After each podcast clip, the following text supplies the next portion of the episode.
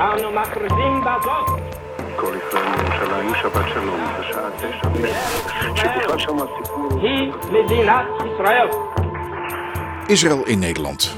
Dit is de podcast van de ambassade van Israël die wij wekelijks in het weekend uploaden op ons Soundcloud-kanaal. In de podcast is er aandacht voor het grote verhaal van Israël, maar ook oog voor detail. Gesprekken met diplomaten en met gewone burgers. Joodse feesten, innovatie en toerisme. Ieder weekend dus de stem van Israël in Nederland. Van harte welkom bij een nieuwe aflevering van Israël in Nederland, de podcast van de Israëlische ambassade in Den Haag. De stem van de Joodse staat in Nederland. Mijn naam is André Diepenbroek en ik ben uw gastheer. Een tijdje terug sprak ik professor Bart Wallet, de bekende deskundige op het gebied van Joodse geschiedenis. We hadden het even over de jeugd, de jongere generatie van anno nu. Hij zei iets wat me bijbleef. André, zei hij, als ik ze voor me krijg in de collegebanken zijn hun meningen al gevormd. Dan hebben ze hun standpunten op de meeste terreinen al ingenomen. Misschien veranderen ze daaraan nog wel iets, maar niet veel meer. Als jullie jongelui willen bereiken met het verhaal van Israël, moeten jullie op de middelbare school beginnen met vertellen, liefst in de onderbouw. Nou, daar zat ik dan. Ik had er een taak bij gekregen. Niet helemaal waar natuurlijk. Sinds enkele jaren is educatie een van de speerpunten van het voorlichtingswerk van de ambassade geworden. Maar altijd wel fijn om van een deskundige iemand bevestigd te krijgen dat je op het goede spoor zit. We begonnen enkele jaren geleden met gastlessen. Dat kon op velelei vakgebied. Godsdienst, soms ook mensen en religie geheten. Maatschappijleer en maatschappijwetenschap, geschiedenis, aardrijkskunde en geografie. En de onderwerpen waren al even veelzijdig. Geschiedenis van Israël, zowel modern als in de Bijbelse tijd, maar ook antisemitisme. Of media in het Midden-Oosten, Jodendom in relatie tot christendom. Of Joods-christelijke beschaving, de Holocaust. Land en grenzen in het Midden-Oosten, Joodse feesten, Joodse geschiedenis. Eigenlijk is de lijst eindeloos. Er is altijd wel een boeiend verhaal te vertellen. Soms is het dan goed om eens terug te blikken als je van die gastlessen een paar achtereenvolgende jaren hebt gegeven. Zoals in Goes, op het Calvijn College, een christelijke scholengemeenschap. Bij het vak godsdienst trap ik al drie jaar lang de lessenreeks af over Jodendom. Het is geen vrolijke les. De vechtscheiding tussen Jodendom en christendom aan het begin van onze jaartelling kwam te sprake. Christelijk antisemitisme, de holocaust en ook hoe het verder moet. Doel is om leerlingen van het belang van deze lessenreeks te doordringen. Ik sprak na afloop coördinator HAVO Dirk Paans en docent Elbert Kroon. Ik vroeg hen hoe zij op het idee kwamen, ook alweer, om Jodendom en Israël in het lesprogramma op te nemen.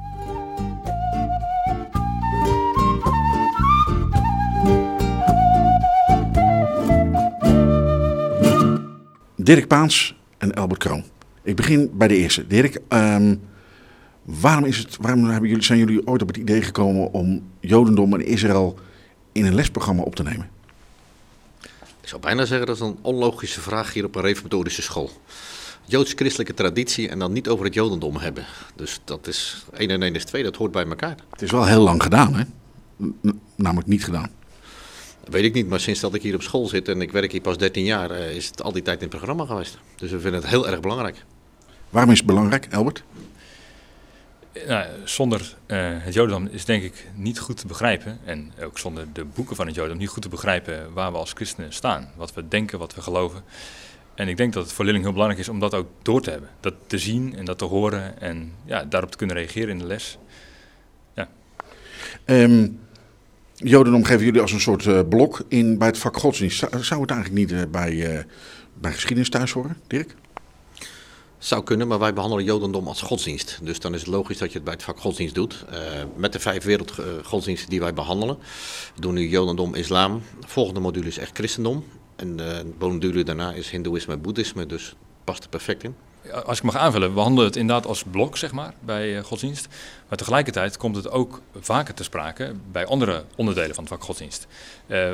Want je kunt, ik heb het vandaag gehad bijvoorbeeld over het boek Leviticus. En dan heb je het over ja, gebruiken en wetgeving en allerlei andere dingen uit het Jodendom. Dus ook op allerlei andere manieren komt het bij het vak godsdienst aan de orde.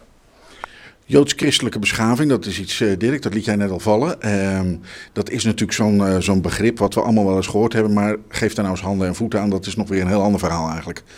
Ehm, waarom is dat een goed idee om dan toch eh, mensen van de ambassade van Israël uit te nodigen? Moet je dan niet, eh, weet ik veel, een, eh, een dominee ergens van stal halen? Of een rabbijn? Nou, dat zou ook heel goed kunnen. Een rabbijn zou natuurlijk ook fantastisch zijn. Maar wij zoeken een beetje naar de combinatie van het land van de Bijbel en eh, de Bijbel zelf en de achtergrond daarvan. Nou, dan kom ik bij de ambassade van Israël terecht, omdat er iemand zit die er ook redelijk verstand van heeft en er geweest is. En ons een heleboel kan vertellen om, over die combinatie. Elbert, die combinatie is belangrijk? Ja, ik denk dat het belangrijk is dat iemand eh, die, die link kan leggen. Eh, dus eh, dat niet zeg maar, van één kant iets eh, belicht wordt, maar juist zeg maar, ook voor leerlingen dat over kan brengen. Dus zowel kennis heeft van waar de leerlingen zitten eigenlijk, als kennis van het Jodendom zelf. Dus juist die relatie leggen is volgens mij van belang. Andere scholen. Is het, zou het, want als we dat, dat ehm, eh, Joods-christelijke beschaving, dat is eigenlijk iets wat, nou, dat kan voor elke school eigenlijk gelden. Is dat nou gangbaar wat jullie doen hier, of eigenlijk niet? Ik weet niet goed wat op andere scholen gebeurt. Ik denk wel zeg maar, dat eh, scholen met een andere achtergrond eh, het, het anders zullen bekijken. En eh, wat ik net noemde over de relatie leggen zeg maar, tussen christelijk geloof en zijn oudste broeder, zoals je dat noemde. Ja, dat kan hier juist heel goed. Zeg maar. Op andere scholen zal dat toch ja, op een andere manier aan de orde moeten komen. Ja. Lastiger te leggen, die link? Wel met het christelijk geloof, maar ik denk niet zozeer met de geschiedenis van eh, Nederland, van christelijk Europa. Dus dan, eh, En, en hoe zou dat dan kunnen? Hoe kun je dan die link leggen? Nou, ik denk juist de geschiedenis. Ik denk dat eh, wat denk ik wel meer speelt op andere scholen dan hier, is antisemitisme. Hier is dat voor leerlingen toch nee, een beetje ver van hun bed, denk ik. En ik kan me voorstellen dat bij andere scholen dat wel degelijk een rol speelt. Ehm, de ambassade uitnodigen, dan, dan krijg je natuurlijk geen eh, neutrale informatie. Je staat er al een beetje slim bij te lachen, Dirk. Moet je niet een neutraal iemand hebben? Wie is neutraal? Dat, dat is al vraag 1. Volgens mij is niemand dat. En als je iets wil hebben over het Jodendom, als je iets wil hebben over de link met Israël, het land van de Bijbel, vind ik dat een heel logische. Ja, Israël en eh, de ambassade is natuurlijk wat minder neutraal, maar dat zijn wij hier ook niet. Wij zijn ook niet neutraal. Dus ja, zoek ik naar neutraliteit, is eigenlijk de vraag. Volgens mij niet. Albert, jij bent natuurlijk later hier gekomen. Di- eh, eh, Dirk werkt hier al eh, 13 jaar, zegt hij net. Toen jij hier binnenkwam, eh, wat dacht je? Wat is dit nou weer? Nou, ik was natuurlijk heel benieuwd. eh, wat, gaat er gebeuren? Want ik eh, wist ook niet ja, ongeveer van Dirk wat er zou komen. Maar ik ben benieuwd naar het verhaal. Eh, wat me vooral verraste is eh, eh, de duidelijke link tussen de geschiedenis en de actualiteit die, eh, ja, die je legde. En waar leerlingen dus ook echt op reageren. Eh, daar zeg maar, niet zozeer met hedendaags antisemitisme, hier, maar juist door de geschiedenis eh, en die link met wat gebeurt er dan vandaag. eh, dat triggert leerlingen. Dat zag ik gewoon gebeuren in de les. Ja. He- Heb je een voorbeeld? Wat je, Ja. wat je opviel dat je dacht van, hé, hey, dat is... Nou, dat had ik niet verwacht, maar het gebeurt wel. Nou, wat denk ik een eye-opener was voor, voor veel leerlingen, was dat plaatje, een, een- wat was het, een, een poster bij een film van het nazisme, naast een plaatje van twee jaar geleden uit België, een carnavalsoptocht. Eh, van, ho, wacht even, dit is hetzelfde.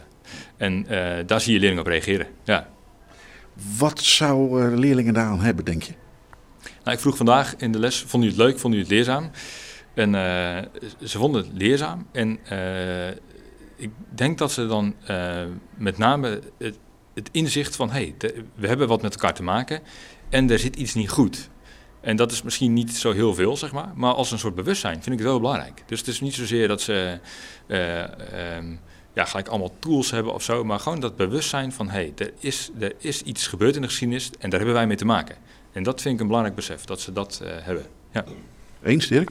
Ja, zeker. Ik, eh, ik hoor eh, Albert net het woord bewustwording. En dat vind ik een heel belangrijke. Dat zie je bij de leerlingen wel gebeuren. Van dat wat zij vandaag de dag ook in de kerken doen. heel veel te maken heeft met wat er al heel lang geleden ingesteld is en gebeurd is en verteld wordt in de Bijbel. Eh, vanuit het Jodendom, we zijn tenslotte ook daarvan afkomstig als christenen. Ehm, dus dat moet je vooral zo blijven doen. En mm, even terugkomend op die vraag waarom iemand van de ambassade, in ieder geval iemand van buitenaf, is een heel belangrijke. Die vertelt het op een andere manier, maar daar hebben leerlingen ook een andere kijk op en luisteren dan soms vaak aandachtiger nog dan dat ze ons al het hele jaar horen. Dus op zich eh, is dat ook al positief. Plus iemand eh, die een heel ander verhaal heeft dan wij kunnen vertellen, omdat wij dat gewoon niet kunnen op die manier. Ja, waarom niet? Je bent, je bent toch veel slimmer dan ik, Dirk? Dat wel, maar jij vertelt het op een andere manier.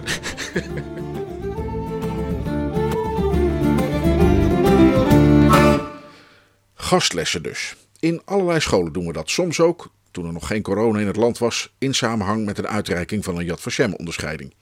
In Zaandam, in Eindhoven, Dordrecht, Rotterdam, Middelharnis. Op scholen van velelei plamage. Maar dat meer mogelijk is, bewees een school een dikke maand geleden. Toen organiseerde de locatie Marnix van het Wartburg College in de vrije week, vlak voor de herfstvakantie, een aantal maatschappelijke projecten. Dat doen ze daar vaker. In samenwerking met de plaatselijke rechtbank, de burgemeester, de hulpdiensten, ProRail, de Marechaussee, het Leger des Heils enzovoorts. Sinds een paar jaar doet in dat rijtje ook de ambassade van Israël mee. En zo belandde de Israëldag op het programma, waar zo'n 100 leerlingen HAVO 3 aan deelnamen. En deden we dat met zware kost? Ha, loopt u maar even mee, nemen we een kijkje in de sporthal. Gymzaal en jongen, jongen. Hier, hier kan we pas echt de actie in.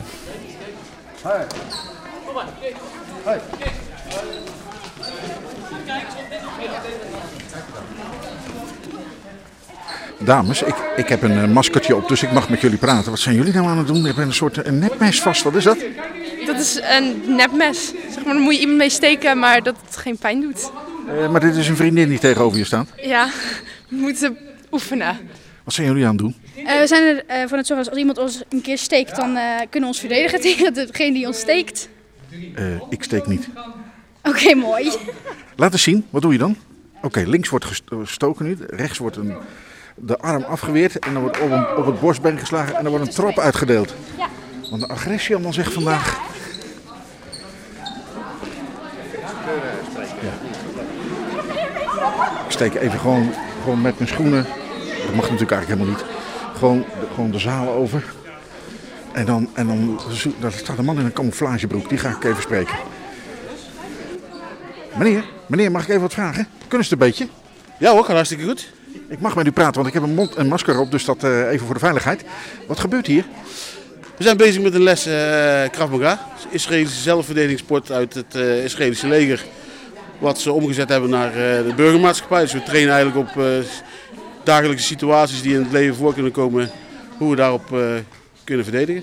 En dan zie ik ze hier met een mes lopen. Er is nog nooit iemand met een mes op mij afgekomen. Nou, laten we hopen dat het zo, dat het zo blijft. ja, als je dus het nieuws en zo allemaal tegenwoordig allemaal leest van eh, overal steekpartijen en pest op school. Dus ja, het is wel, ook voor de weerbaarheid is het gewoon goed om een beetje je eigen weten te verdedigen. Ook niet alleen eh, fysiek, maar ook verbaal. Wat, wat, wat, ge- wat geven ze precies voor workshops? Ze zijn nu met die, met die nepmessen bezig, moeten ze afweren. Ja. En wat, wat nog meer? Eh, we hebben net hebben we, eh, shows gedaan, dus dan word je dicht, dicht, eh, je keel dichtgeknepen. Met, of een headlock van achteren. En we hebben nog, je kunt van alles op de grond met je shirt vastpakken. Of wat gebeurt er als je, je vastgepakt wordt. Van alle situaties die je kunt bedenken, daar trainen we op. En dat krijgen ze ook in deze workshop allemaal een beetje. Eh, nee, we proberen wel een beetje de, de basis aan te houden. Wat wij denken dat we best vaak voor gaan komen. Want ja, we hebben, wij werken ook met stokken en pistolen. Om dat in een uur allemaal te proppen, dan wordt het eh, te veel. Dus het blijft nu gewoon bij fysiek actie, eh, Juist. gevecht eigenlijk. Gewoon van Ja, man, we- man tegen man. We hebben een paar eh, technieken uitgekozen waar wij denken dat het, waar we mee beginnen, waar we tijdens de Krav lessen ook mee beginnen. Waar wij denken dat ze het makkelijk en leuk vinden om te doen. Succes vandaag. Ja, dankjewel. U ook nog. En dan gaat iedereen weer aan de slag met eh, Kees. Ik zie daar een collega ook, eh, die, eh, die, die zit er goed in. Ja, zeker weten. Dat is, eh, dat is meneer Eggebeen. En die gaat flink los, zie ik inderdaad. Ik heb het idee dat hij wat ervaring heeft, als ik dat zo zie. En de leerling is niet te benijden. Nee, nee, nee, zeker niet. Hij kijkt er ook zeer serieus bij. Wij staan natuurlijk allemaal keurig netjes eh, op goede afstand met maskers voor en zo. Daarom klinkt het allemaal een beetje dof. Maar eh, zo kunnen we toch ons werk eh, doen en de zaak vastleggen. Zodat iedereen kan meegenieten. Een zaal vol met mensen, Krav Maga. Kees, waarom eh, Krav Maga? Dat is toch eh, allemaal, allemaal agressie? Ja, bij mijn weten is eh, Krav Maga de, de, de vechtsport die, eh, eh, die er is op ingesteld is. dat je vooral verdedigt. En ehm, dat is denk ik belangrijk, zeker in deze tijd. Bovendien, we zijn bezig met een Israëldag. Eh Krav Maga is een Israëlische vechtsport en we wilden de leerlingen daar sowieso ook eh, wat, wat van meegeven. Zodat de doeners ook wat te doen hebben. Absoluut, zeker. En doeners hebben we best wel wat. We gaan weer even verder naar een volgende workshop. Laten we ons rondje door de school nog maar even voortzetten. Een workshop waarbij leerlingen de eerste beginselen van het Hebreeuws krijgen bijgebracht. Dat is de goede volgende vraag. Als je op het blad kijkt wat jullie gekregen hebben, met het uh, aan het beet erop, probeer even op mij te letten, want dat zijn al bekend. Dan zie je daar ook een kolommetje transliteratie staan. En dat is een moeilijk woord, maar dat, is, dat betekent dat er even fonetisch staat, dat is ook een moeilijk woord, hoe je het moet zeggen. Dus hoe je het uitspreekt. Nou, je zal wel zeggen, meneer, eh, zeg gewoon normaal, dit is de A. Want we beginnen toch met A B met een A. Nou, hier begin ik al met een probleem. Wat ik eventjes niet heel makkelijk uit kan leggen. Maar als je op het blad kijkt, dan staat er een klein kommaatje. Eigenlijk moet je dan aan je eigen keelgat denken. Dat is de medeklinker. En je hoort hem niet. De eerste medeklinker hoor je niet. Dus ik kan hem niet uitspreken. Dus de vraag wordt, ben je er goed? Hoe spreek je hem uit? Ik heb hoog nodig, eh, wil ik een klinker hebben om hem uit te kunnen spreken. Een medeklinker is eigenlijk een klankkast. Ja? En de rest van de medeklinkers hoor je wel hoor. Dus dit soort gekke verhalen moet ik maar één keer ophangen. De eerste medeklinker hoor je niet. Sorry. De tweede. Ik ga hem weer opbouwen. Weer twee keer dit keer. Deze letter is een beetje makkelijker. Ik zal hem er wel even bij zetten. Dit is de alef. Maar je hoort hem niet. Dan krijg je de We vervolgen onze tocht. Als ambassade willen we natuurlijk ook even laten zien wat we zoal doen. Collega Nathalie Chatashvili, zelf Joodse uit Wenen, wist de Shoah een heel stuk dichterbij te brengen voor Nederlandse kinderen. En kon toen heel precies uitleggen hoe bijzonder het was dat sommige Nederlanders Joden bij zich ondergedoken hadden. En dat Israël hun families daarvoor nu nog onderscheidingen geeft die de bijzondere naam van rechtvaardige onder de volkeren dragen. Okay, hi everyone. So, as I said before, this is going to be a mix between English and Dutch. Dus als iemand echt niet verstaat wat ik zeg, hand up and say, I really don't understand this right now. Can you either say it in Dutch or can you explain it differently? Because what we're going to be talking about today is important and might be a bit complicated. So, um, mijn naam is Nathalie. Ik werk bij de Israëlische ambassade in Den Haag. Samen met mijn collega Anne Diepenbroek. En ik werk daar ongeveer 2,5 jaar. En ik ben um, voor de culturele afdeling. Dus alles wat uh, te maken heeft met Israëlische muziek, Israëlische uh, movies, um, songs, literatuur, al dat. Ik ben daarvoor toestandig. Dat ik uh, Israëli's hier naar Nederland breng. En ja, Nederlanders laat zien hoe Israëlische cultuur werkt of wat Israëlische cultuur is. Maar uh, ik doe ook een tweede ding bij de ambassade en dat is de Yad Vashems. En vandaag praat ik over Yad Vashem en de Holocaust, omdat ik kan niet over Yad Vashem praten zonder de Holocaust te noemen en vice versa.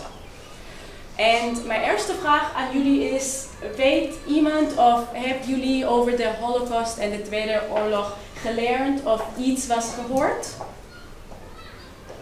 Yes? Everyone, okay, if you ever heard the word Holocaust or World War II before, raise your hand. Als je van de Holocaust of de Tweede Wereldoorlog iets was gehoord hebt, that is okay. That's why we're here. Oké. Okay. Uh, kunnen jullie me vertellen iets wat kort is, wat jullie over de Tweede Oorlog of wat jullie van de Holocaust weten? Ja. Strafkampen. Oké. Okay. Ja, iets wat, wat over de straf? Nou, gewoon alle mensen die naar industrieel waren gingen in. Ja. Of werden weggevoerd dood. Ja, precies. Nog iemand?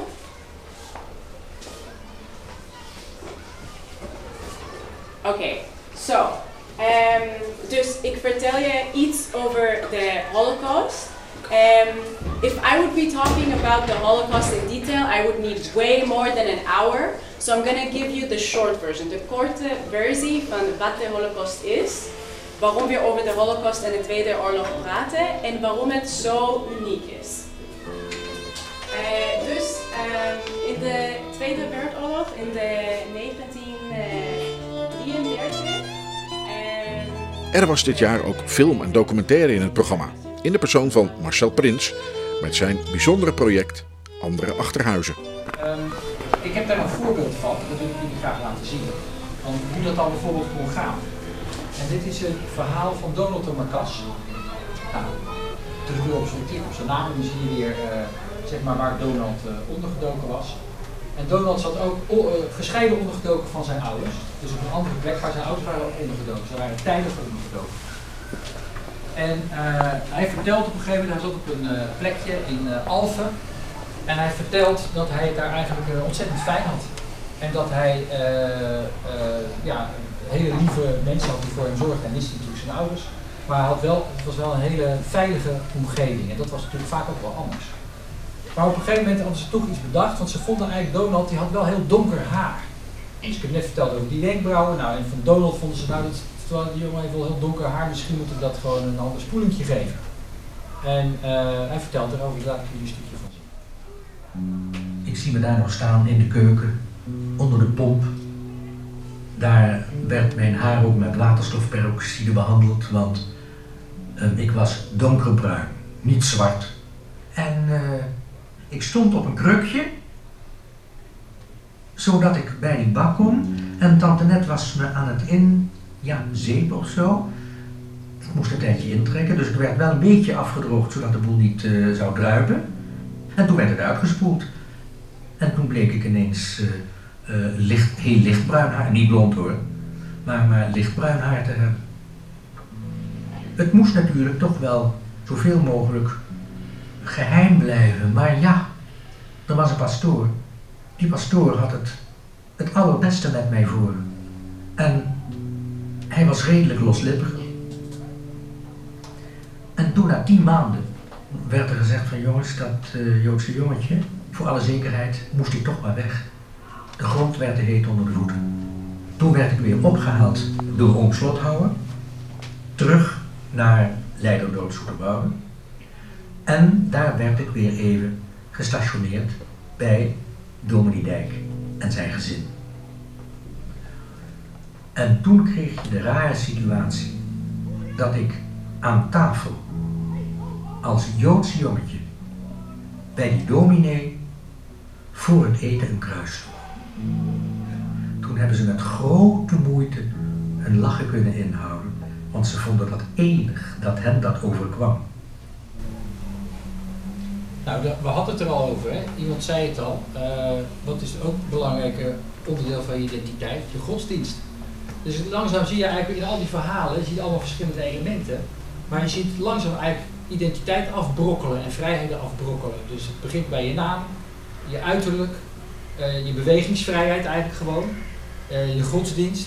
Eigenlijk word je eigenlijk helemaal iemand anders zou je kunnen zeggen. Dus eh, ki- kinderen en ook volwassenen die in de onderduik uiteindelijk overleefd hebben, we hebben net over de getallen gehad, hè, hoe weinig dat er eigenlijk relatief zijn, ehm, die konden dat door er gewoon eigenlijk een tijdje helemaal niet te zijn. Dus gewoon eigenlijk te verdwijnen je kunnen zeggen, gewoon niet bestaan. Wat hadden we nog meer op het programma? Ah ja, de Joodse en Israëlische keuken, waarbij leerlingen op bescheiden schaal mochten kokkerellen. En een geweldige workshop van het Karmel-duo van Doron Peper en Freek van Diest. Daar leerde je behalve wat goede muziek is, ook terloops iets over Jiddisch en Joodse cultuur. Het volgende liedje is ook deels in het Jiddisch en ook deels in het Engels. Het is een liedje wat door een bekende Rotterdammer, Leo Voelt, bekend is geworden. Nadat hij vlak voor de oorlog naar Amerika is gevlucht. Vlak voor de oorlog, gelukkig. Heeft hij grote triomfen gevierd. Heeft jarenlang in shows in Las Vegas gestaan. En met dit liedje over zijn moeder, zijn Jiddische moeder, zijn Joodse moeder, is hij heel bekend geworden. Het liedje is niet van hemzelf,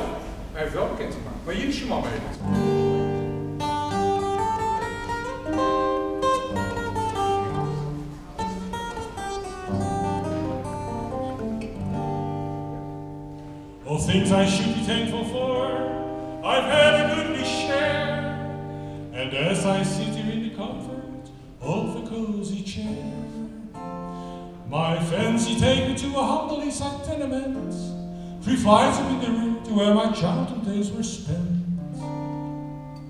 It wasn't much like paradise, but mid and uh, dull. There sat a sweet angel, one that I fondly call my Yiddish mom. I need more than ever now. My Yiddish. I'd love to kiss the ring of brow. I'd long to hold her hands once more as in days gone by and ask her to forgive me for things I've made her right. How few were her pleasures. She never cared for fashion style. Her jewels and treasures. A baby smile. Oh, I know that I am what I am today. To that dear little lady, so old and gray.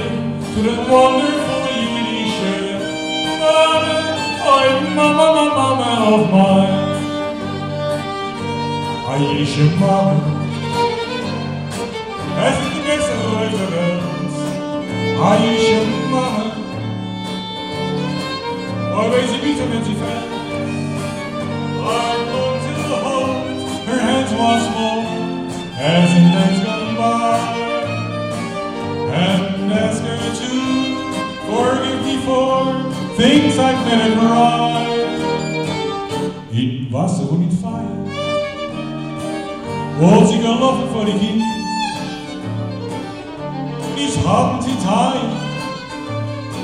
Es ist gewiss die größte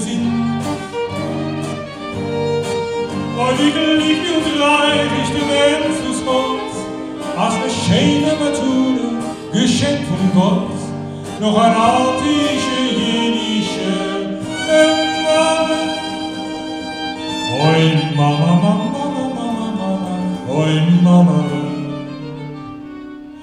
Mama, of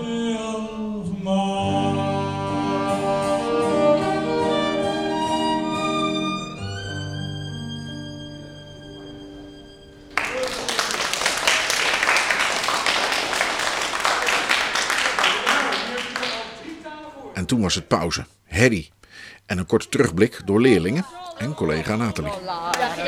Jongens, ik heb een mondkapje op, dus ik mag dicht bij jullie komen staan. Dat is gezellig, dan eh, bescherm ik jullie. Eh, jullie hebben de workshop muziek gedaan, hè? Was, was het leuk? Ja, dat is leuk. Ver- vertel eens iets meer als ja, was leuk. Nou, eh, Is het andere muziek dan, dan, dan wat wij eh, normaal gesproken aan hebben? ja, het is vrolijker. Vind ik. En, en ehm, wat heeft hij erover verteld? Was er nog uitleg bij? Mm, Ja, hij vertelde waar het vandaan kwam en de vertaling vertelde die van de tekst. Dus Ehm, maar Joodse muziek, volgens jou, is dat iets wat, wat echt speciaal is, wat anders is dan anders? ehm nou, dat weet ik niet precies. Dat is eh, geen idee. Het jammer is natuurlijk dat de vrienden allemaal weglopen, maar ik loop er gewoon achteraan. Hè? Dat gaan we gewoon doen. Kijk, hier staat er nog één. Die ken ik toevallig. Ja, Hoe was het? Wat? De workshop muziek.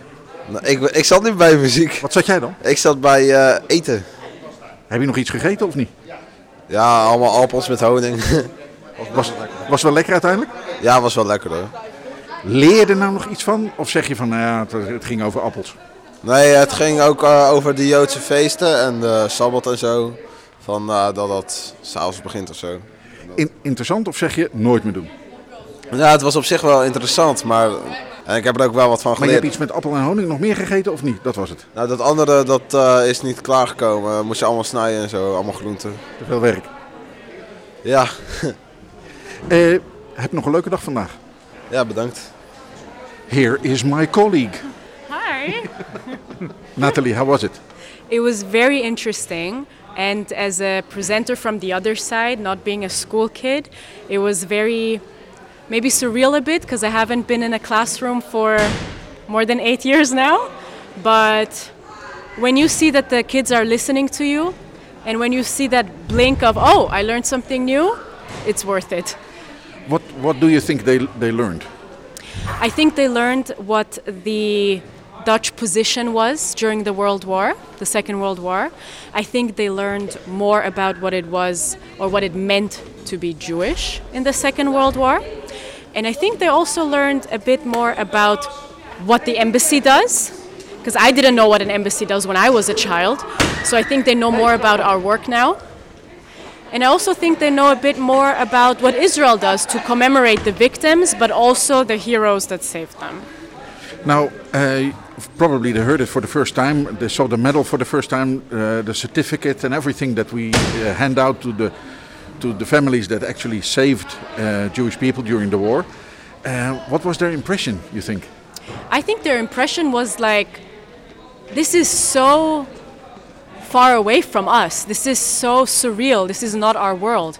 I showed them the invitations we do, and I showed them that for every invitation, we have the picture of the actual Dutch people that saved the Jewish family. And uh, they asked me, huh? How is that possible? You couldn't take pictures back then, could you? And you just Wow. realize, wow, that is a huge gener- like generations of gaps. And but you think about it, it's not that long time ago, 75 years. But mentally, I think we're more apart than 75 years. Maybe two centuries or something. Two centuries, maybe longer. But then you also understand why it's important to retell this story. And I think it's going to become even more important in the years to come when they further away themselves more from what happened 70, 80, 90 years ago. But it was just so surreal. Could you take pictures back then? Well, not with your iPhone, but you certainly could take pictures.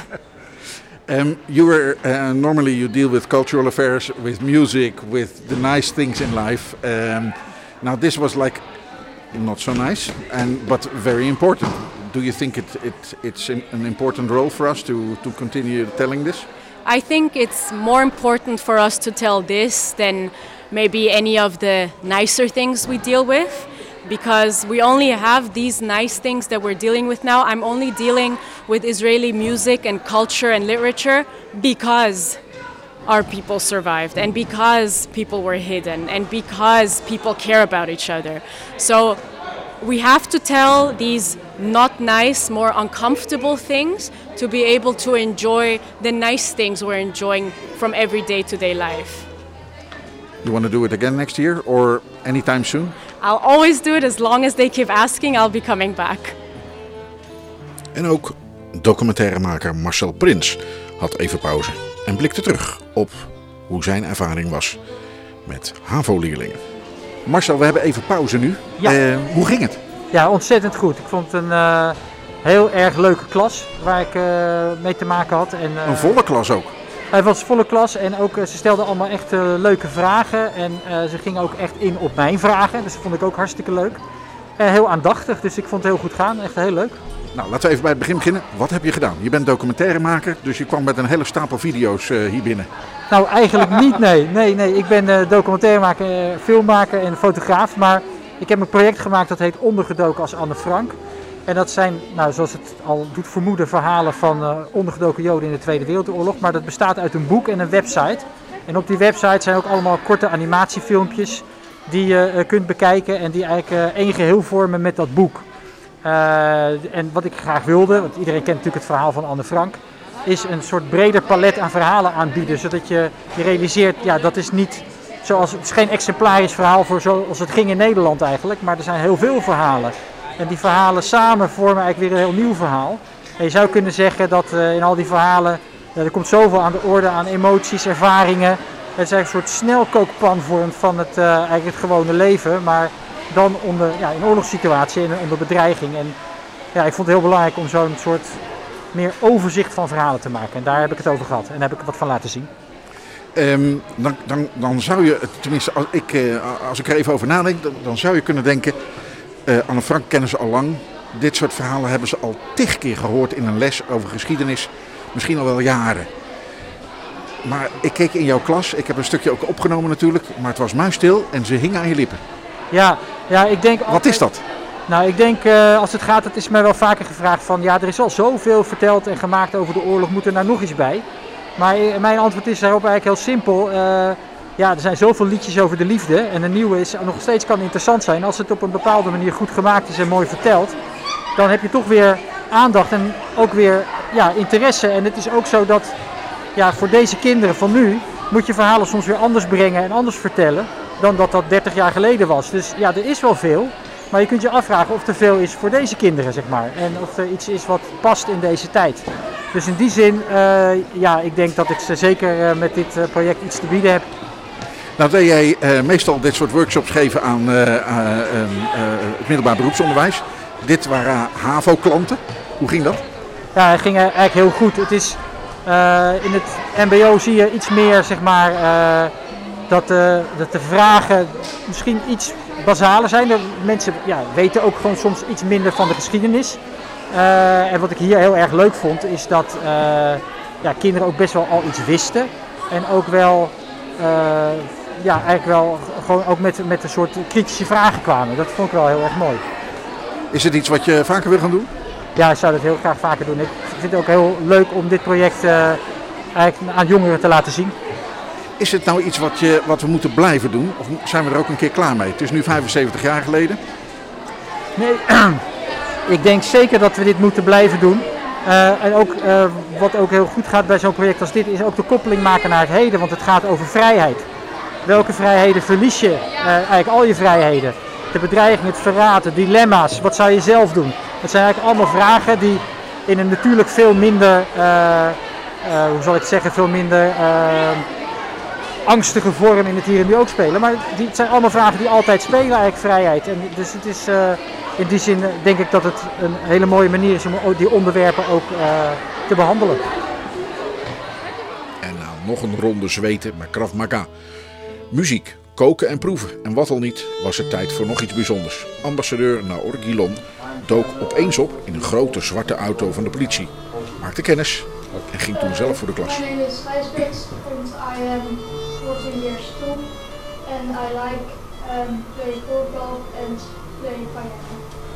I'm Sam Witt and I am 14 years old. Uh, I'm Thijs, I'm 14 and I play uh, violin. So I see here music and I see sports. So I'm not 14, I'm 56. I have uh, I have four kids and my youngest daughter is 16 and I have four grandchildren also, but they are much younger. And I played basketball when I was young. So, you can put the map. Yeah. So I, I will say maybe a few facts about Israel, just that you, just that you know.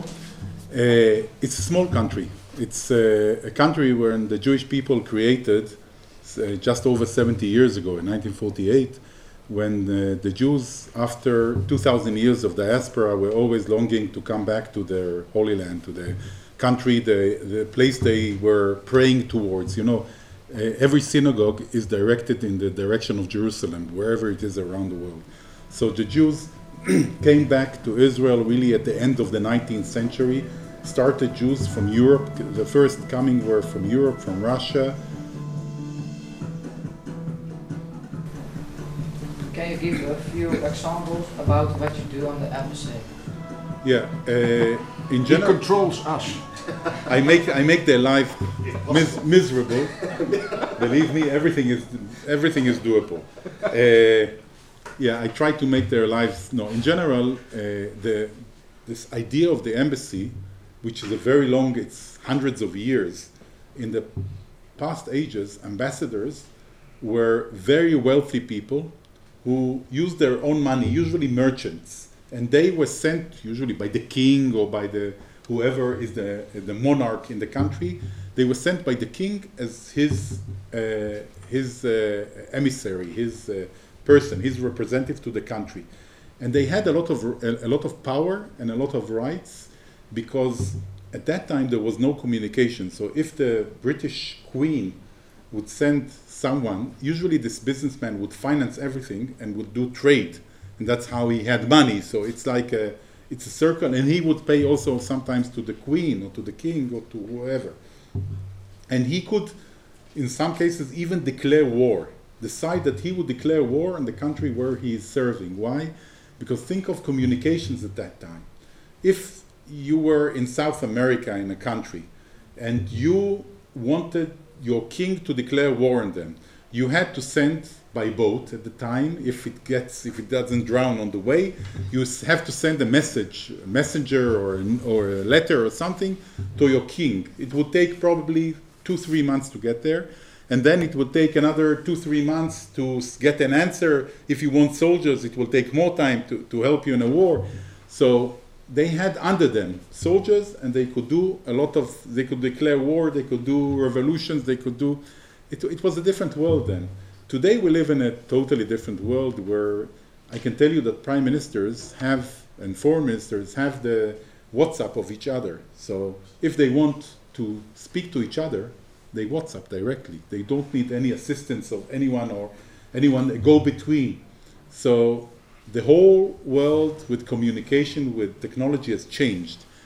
And today uh, the ambassadors and embassies they are still representing the interest of their country and try to portray uh, to explain the country to explain the policy to have friendship between the countries to have cooperation between the countries. We do it in many many fields. We do it in culture natalie our cultural affairs lady is just giving a lecture over there so we do it in, in one of the classes so we are doing it in culture we are doing it in economy in trade in commerce we are doing it in security cooperation, so in political cooperation. We are doing it in many, many fields. And we are trying to promote the relations between the countries and uh, trying to be beneficial. It's not easy, by the way, because it's a competition. If the leaders can speak directly, you, are, you have to find a place where you are more relevant today. And this is, I think that in general, the foreign ministries of the world are looking for relevancy Many of them are finding it today, by the way, in economy. If they can prove that they help the economy, it means that they are uh, earning their money, the, the, the, the cost, because uh, to keep an embassy or civil service people, it costs money from the taxpayers' money.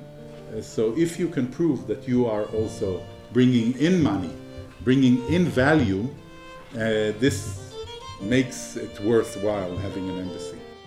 En toen dat allemaal voorbij was, was het tijd voor een echte evaluatie met de ambassadeur en coördinator HAVO Kees van der Klooster. Ambassador, we uh, again with face masks, but uh, so we can sit close together. Um, you did a workshop on Israel, basically. Any question that they could ask, uh, they asked.